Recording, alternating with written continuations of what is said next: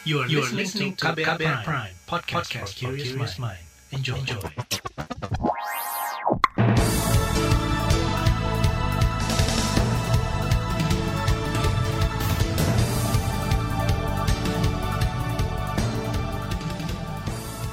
Selamat pagi saudara, senang sekali kami bisa menjumpai Anda kembali melalui program Buletin Pagi edisi Selasa 29 Juni 2021. Bersama saya, Naomi Liandra.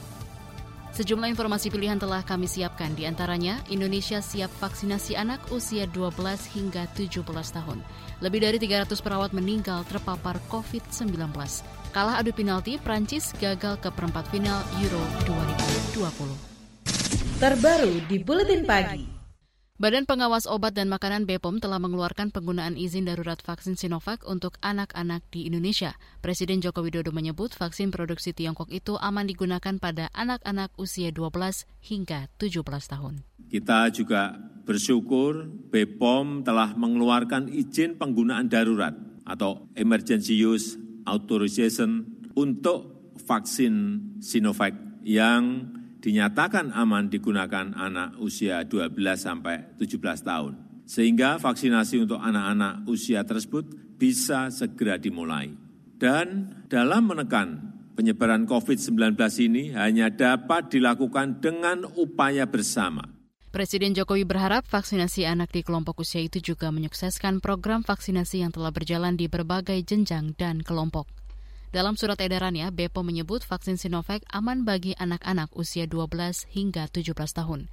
Hal itu mengacu pada hasil uji klinis fase 1 dan fase 2 vaksin Sinovac.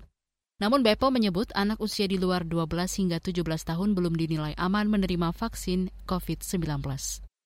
Kementerian Kesehatan mengklaim tengah berkoordinasi terkait persiapan vaksinasi untuk anak usia 12 hingga 17 tahun. Menurut juru bicara vaksinasi dari Kemenkes Siti Nadia Tarmizi, persiapan itu seiring terbitnya izin penggunaan darurat vaksin Sinovac untuk anak usia 12 hingga 17 tahun dari BPOM.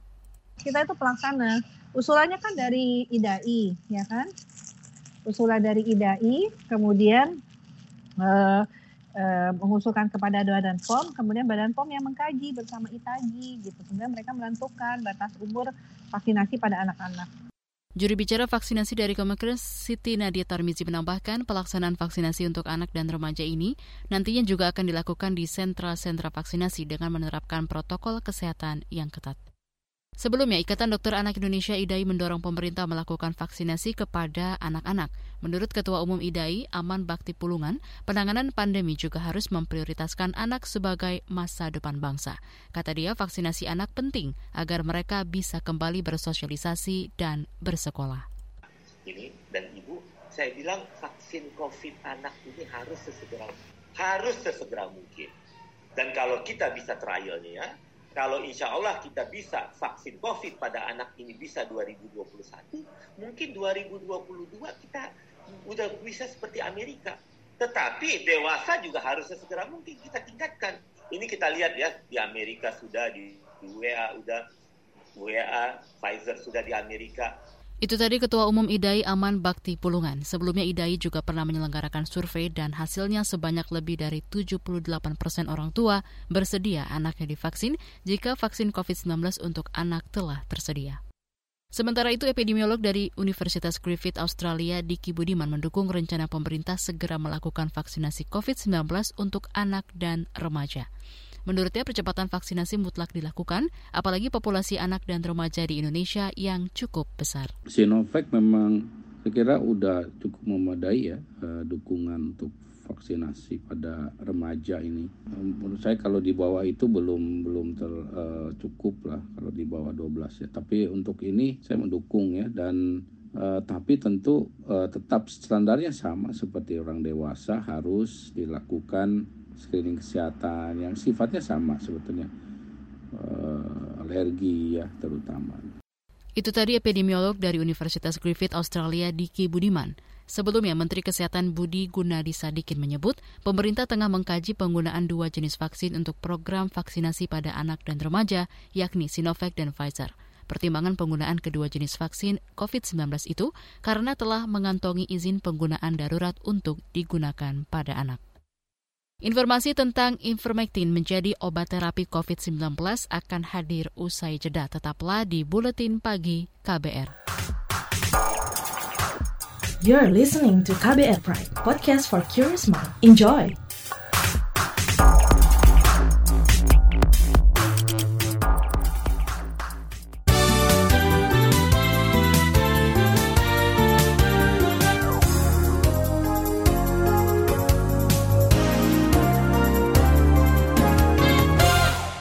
Anda sedang mendengarkan Buletin Pagi KBR. Badan Pengawas Obat dan Makanan BPOM memberikan persetujuan pelaksanaan uji klinik PPUK ke ivermectin untuk penggunaan sebagai obat COVID-19. Menurut Kepala BPOM, Pedi Lukito, persetujuan uji klinik diberikan BPOM dengan pertimbangan publikasi beberapa uji klinik yang sudah dilakukan sejumlah negara lain. Selain itu, Organisasi Kesehatan Dunia WHO juga telah menyatakan ivermectin bisa digunakan untuk, untuk COVID-19 dalam lingkup uji klinis.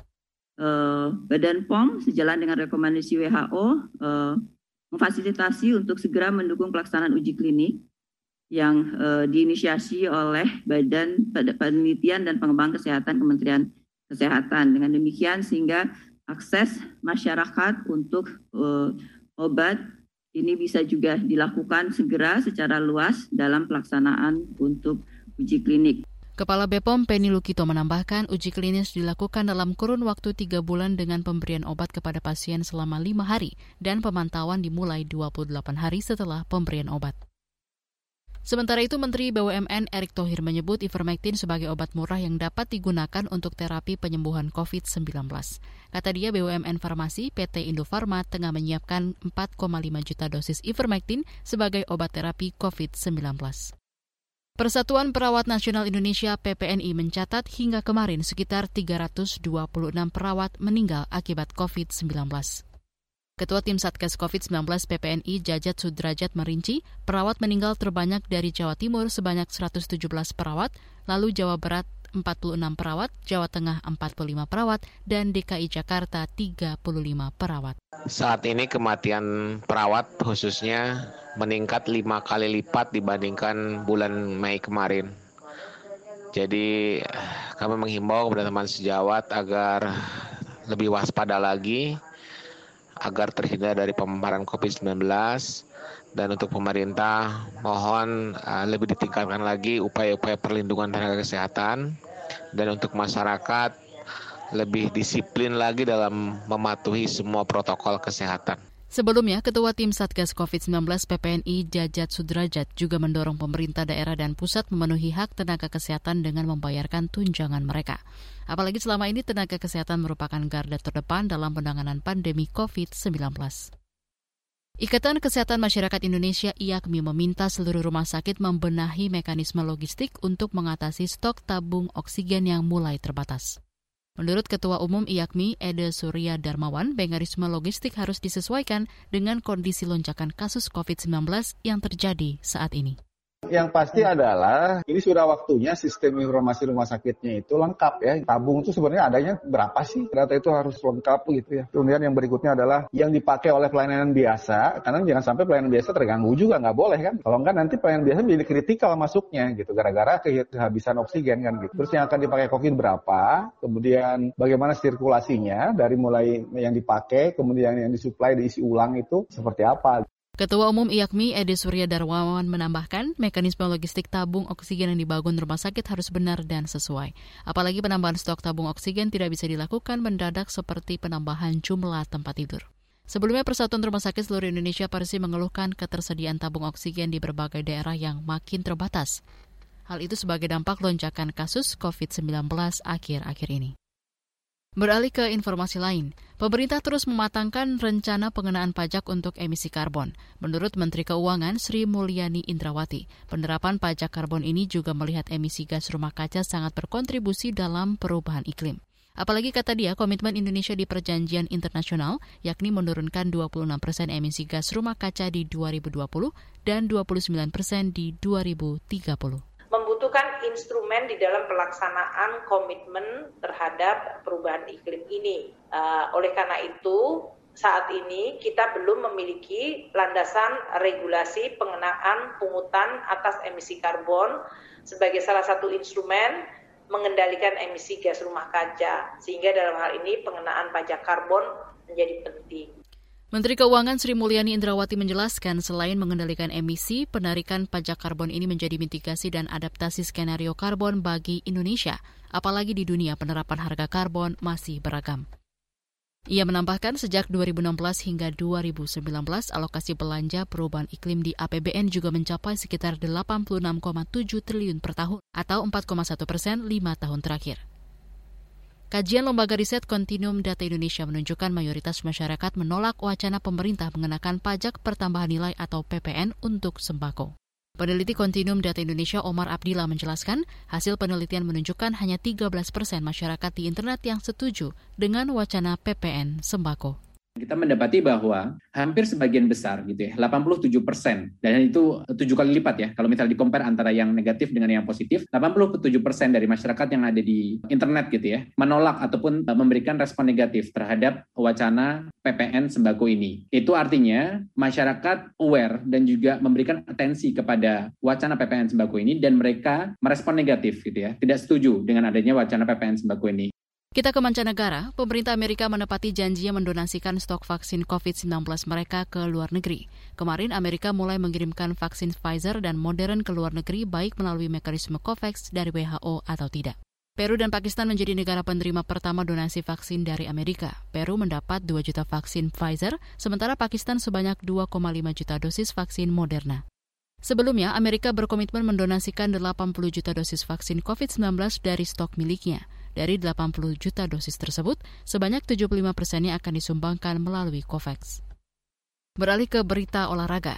Laga babak 16 besar Euro 2020 antara timnas Kroasia kontra timnas Spanyol berjalan sengit dan super intens di Parken Stadium Copenhagen, Denmark. Dua kali 45 menit berjalan, skor adalah 3-3 dan laga pun harus dilanjut ke babak perpanjangan waktu. Pada babak tambahan, Spanyol langsung tancap gas. Dua gol kembali tercipta lewat Alvaro Morata dan Michael Oyarzabal. Gol ini sekaligus mengunci kemenangan. Sementara itu Swiss melangkah ke babak perempat final usai menang 5-4 atas Prancis dalam adu penalti. Babak adu penalti, babak penentu ini dilakukan setelah kedua tim bermain imbang 3-3. Kekalahan adu penalti Prancis terjadi setelah Mbappe yang jadi penendang terakhir gagal menjalankan tugasnya. Atas kemenangan ini, Swiss akan bertemu dengan Spanyol di partai perempat final. Saudara, sesaat lagi akan kami hadirkan laporan khas KBR yang mengulas pembungkaman berpendapat kampus kepada mahasiswa usai mengunggah poster kritik pemerintah. Sesaat lagi tetaplah di Buletin Pagi. You're listening to KBR Pride, podcast for curious mind. Enjoy!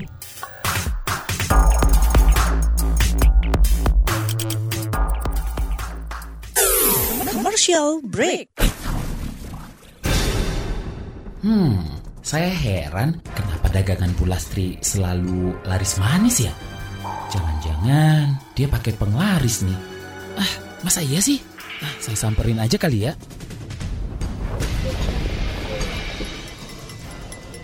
Eh, Pak Bayu. Gimana Pak? Udah makan siang belum? Iya Bu Lastri, belum nih. Saya lihat dagangan Bu Lastri laris terus. Bu Lastri pakai penglaris ya? Memang betul pak, saya pakai penglaris. Wah, Bu Lastri, saya dibagi dong penglarisnya. Boleh dong pak. Nih Pak Bayu, silahkan dipakai maskernya. Hah? Masker? Betul Pak Bayu, masker ini yang membuat dagangan saya laris manis sekarang. Karena pembeli merasa aman beli kue-kue saya. Selain itu juga melindungi saya terpapar virus. Karena kan kita ketemu banyak orang. Dan saya juga nggak pernah lepas sekalipun selama berjualan. Dicoba deh Pak Bayu. Laris dagangannya, lari virusnya. Pesan layanan masyarakat ini dipersembahkan KBR, inspiratif, terpercaya.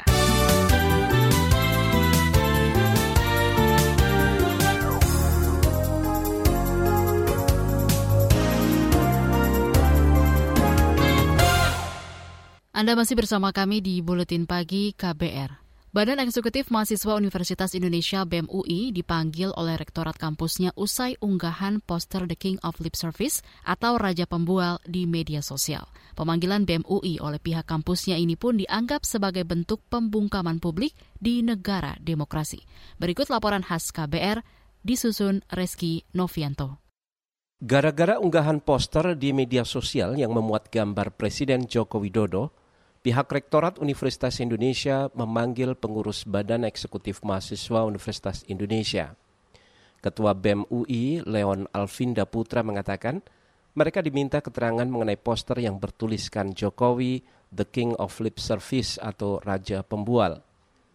Leon mengatakan unggahan poster di media sosial itu merupakan sikap propaganda agar bisa menjadi diskursus publik.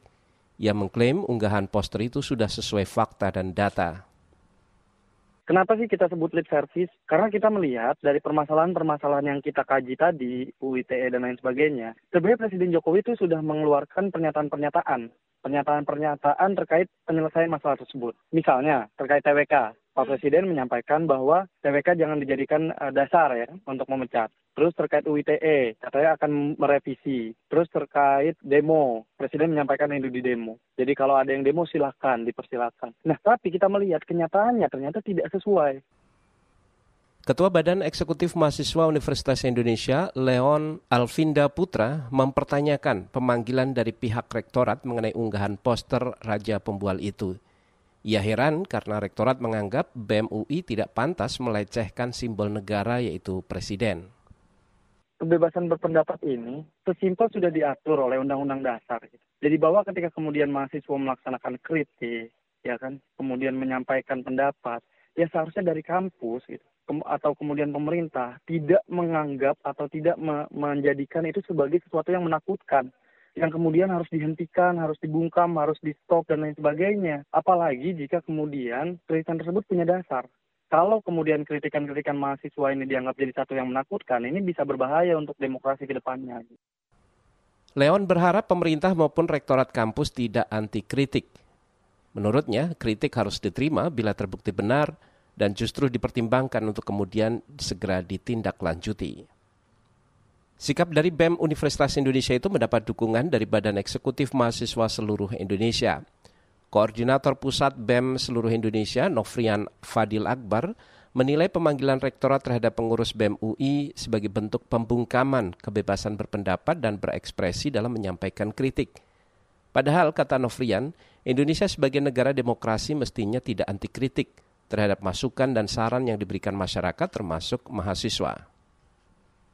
Oh, kalau sifat uh, kita kita melihat ini satu bentuk ini apa pembungkaman terhadap terhadap uh, bagaimana menyatakan pendapat, berekspresi dan lain segala macam gitu kan.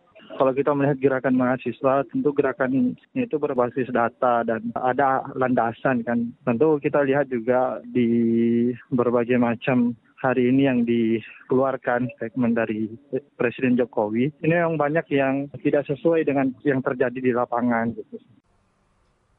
Koordinator Pusat BEM seluruh Indonesia Novrian Fadil Akbar menambahkan bentuk pembungkaman sangat lazim terjadi terhadap kritik-kritik yang sensitif kepada pemerintah.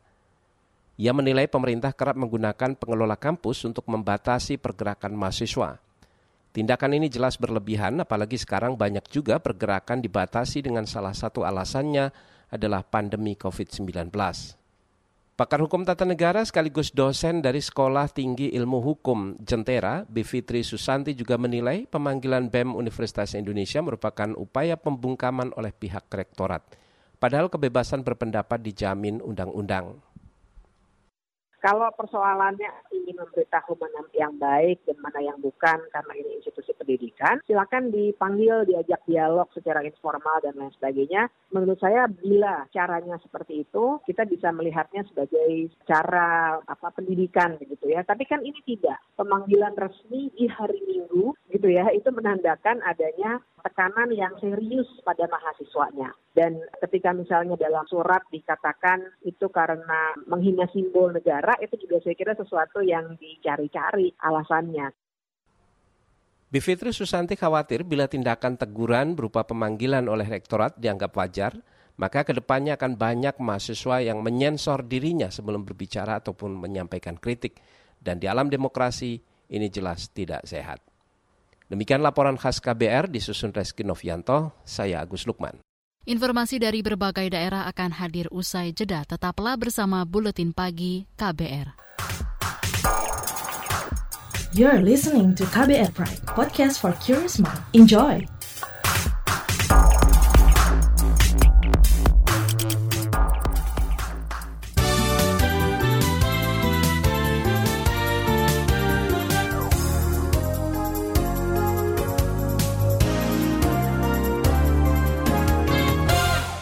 Inilah bagian akhir buletin pagi KBR. Kita ke Papua. Bekas anggota kelompok kriminal bersenjata di Kabupaten Tolikara dan Jayawijaya mengembalikan dua senjata api rampasan kepada Satuan Tugas atau Satgas Mandala 1. Komandan Kodim Jayawijaya Arif Budi Sutimoyang mengatakan senjata jenis revolver itu diserahkan pekan lalu. Menurutnya senjata itu merupakan inventaris Polsek Pirime, Kabupaten Lanijaya yang hilang saat KKB menyerang markas polisi itu 2012 silam. Identitas yang menyerahkan dan sebelum dia bergabung di mana kita rahasiakan demi keamanan yang bersangkutan dan keluarga. Yang kedua ini adalah senjata revolver inventaris Polsek Pirime yang pada tahun 2012 sekira bulan November itu diserang ya. Jadi ada tiga pucuk yang hilang salah satunya berhasil ditemukan masih berfungsi dengan baik ya. Ini indeks dari mantan Kapolsek Pirime. Dandim 1702 Jayawijaya Arif Budi Situmeang mengatakan penyerahan dua senjata api itu merupakan hasil penggalangan Satgas Mandala 1 dan Babinsa yang bertugas di Kodim Jayawijaya. Beralih ke Jawa Timur, Persatuan Guru Republik Indonesia PGRI Kabupaten Magetan, Jawa Timur memperkirakan kabupaten itu akan kekurangan hingga 2.500-an guru di 2024. Menurut Ketua PGRI Magetan Sundarto, setiap bulan guru yang purna tugas atau pensiun mencapai 35 orang. Dengan akumulasi itu diperkirakan seribuan guru pensiun hingga 2024. Berdasarkan data kami setiap bulan itu tidak kurang dari 25 sampai 35 guru yang pensiun. Kalau itu diakumulasi sampai 2024 ya kira-kira sekitar 300 kali 3 berarti sekitar hampir 1000 guru yang pensiun. Kekurangan guru saat ini 2100. Nanti akan berkembang lagi sampai dengan tahun 2024. Dan kita perkirakan nanti sampai tahun 2024 itu ada sekitar 2500 guru kurang di Magetan seandainya posisi sekarang. Ketua PGRI Magetan Sundarto menambahkan hingga saat ini kekurangan guru di kabupaten itu mencapai 2.100-an orang. Ia juga meminta Pemkap Magetan segera memetakan kebutuhan guru dan mengajukan formasi guru lebih banyak di tahun mendatang. Sejumlah rumah sakit di daerah istimewa Yogyakarta menerapkan sistem buka tutup di IGD seiring lonjakan kasus COVID-19. Kepala Bidang Pelayanan Kesehatan Dinas Kesehatan DIY, Yuli Kusumastuti mengakui sistem ini juga berlaku pada ketersediaan tempat tidur penanganan COVID-19. Saya yakin kemudian itu uh, Bapak Ibu dari rumah sakit itu kemudian uh, berupaya sedemikian rupa penutupan IGD itu tidak akan berlarut-larut. Jadi ini yang harus dipahami bahwa situasi yang berkembang di rumah sakit itu berkembang sangat. Demikian juga dengan kondisi ketersediaan tempat tidurnya. Itu yang harus dipahami. Karena apa? Karena memang teman-teman rumah sakit pasti tidak berdiam diri me me melihat situasi seperti ini. Kabit Yankes Dinkes DIY Yuli Kusumastuti menambahkan Dinkes DIY juga terus memantau ketersediaan ruang di rumah sakit menggunakan rumah sakit online. Sejumlah rumah sakit yang tingkat keterisian rumah sakitnya sempat mencapai 90 persen di antaranya Rumah Sakit Pantirapi, PKU Muhammadiyah Bantul, RSUD Panembahan Senopati, dan RSA UGM. Informasi tadi menutup jumpa kita di Buletin Pagi hari ini. Pantau juga informasi terbaru melalui kabar baru situs kbr.id, Twitter kami di akun @beritaKBR, serta podcast di alamat kbrprime.id. Akhirnya saya Naomi Liandra bersama tim yang bertugas undur diri. Salam.